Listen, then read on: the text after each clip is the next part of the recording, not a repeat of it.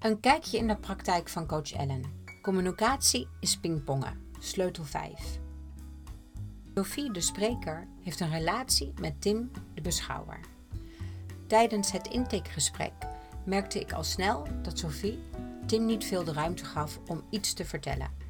Tim was stil, keek naar ons en zat met zijn armen over elkaar. Sophie is een hele enthousiaste vrouw die graag vertelt, maar luisteren kan ze niet zo goed. En dat weet Tim. Tim vindt het moeilijk om de confrontatie daarover met haar aan te gaan. Sophie en Tim zijn uitgenodigd bij vrienden om te komen eten. Terwijl Sophie en geur en kleur vertelt. Je gelooft echt niet wat ons laatst overkomen was, hè Tim?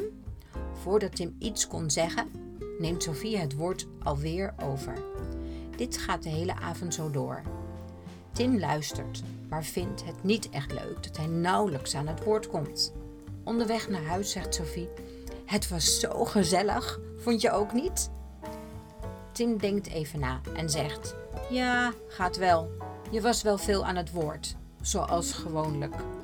Sophie kijkt Tim verontwaardigd aan en zegt: Ik veel aan het woord? Je kan toch zelf ook wel eens je mond open doen? Tim zwijgt en zucht. De tip van coach Ellen. In de situatie van Sophie en Tim is het heel belangrijk dat ze beide elkaar de ruimte geven om iets te vertellen. Dat Sophie de ander ook het woord geeft.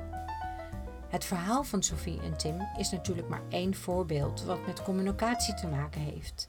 Je zal zelf ook vele andere voorbeelden kennen die te maken hebben met communicatie, wanneer het goed of fout gaat. Communicatie is pingpongen. Spreken en luisteren, zenden en ontvangen, begrijpen en begrepen worden.